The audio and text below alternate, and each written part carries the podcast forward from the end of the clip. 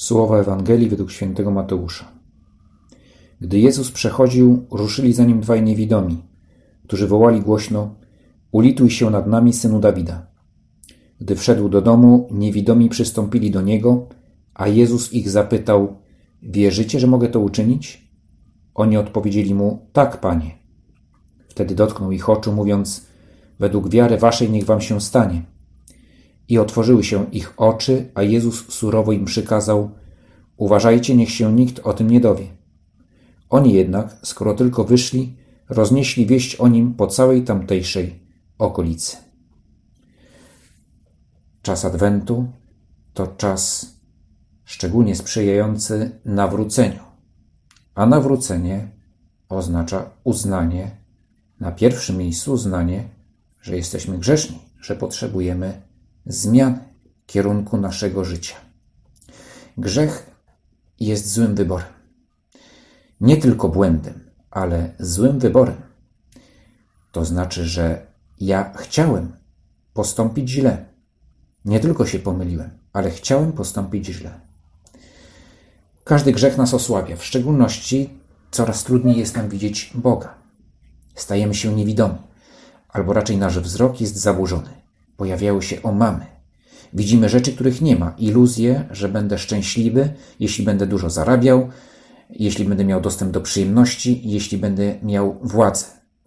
Szczęśliwy w znaczeniu, że to będzie pełnia szczęścia. A równocześnie coraz gorzej widzę bliźniego. Wreszcie coraz trudniej jest mi widzieć samego Boga, który staje się niewygodny, jeżeli to mniemane pozorne szczęście próbuje zdobyć środkami, działaniem, które jest złe.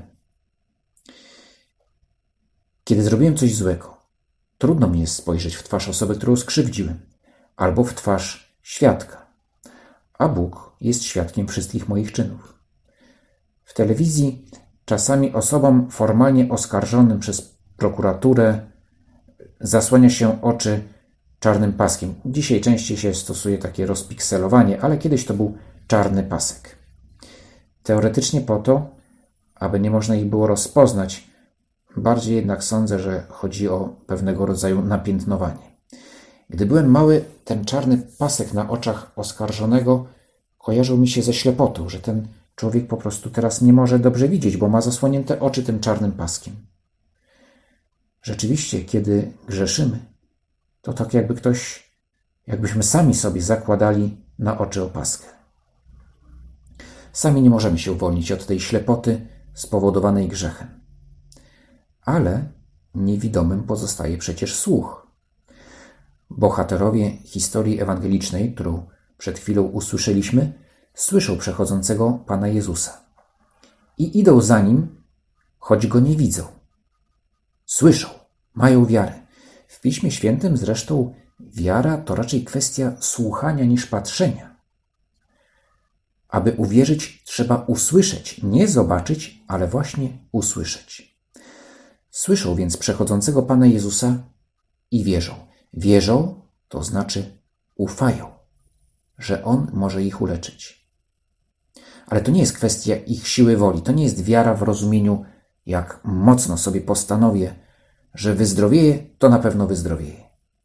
No może czasami tak się dzieje, ale, ale to nie ma nic wspólnego z wiarą w Boga, z wiarą religijną. Bo wiara w Boga jest zaufaniem Jemu, a nie sobie. Pan Jezus przechodził tamtędy nie przypadkiem. Przechodził, aby go usłyszeli. Ale muszą się ruszyć. Muszą sami chcieć, muszą zaufać i podjąć ten wysiłek, aby za Panem Jezusem pójść. To zaufanie musi się więc przejawiać w czynach, w działaniu.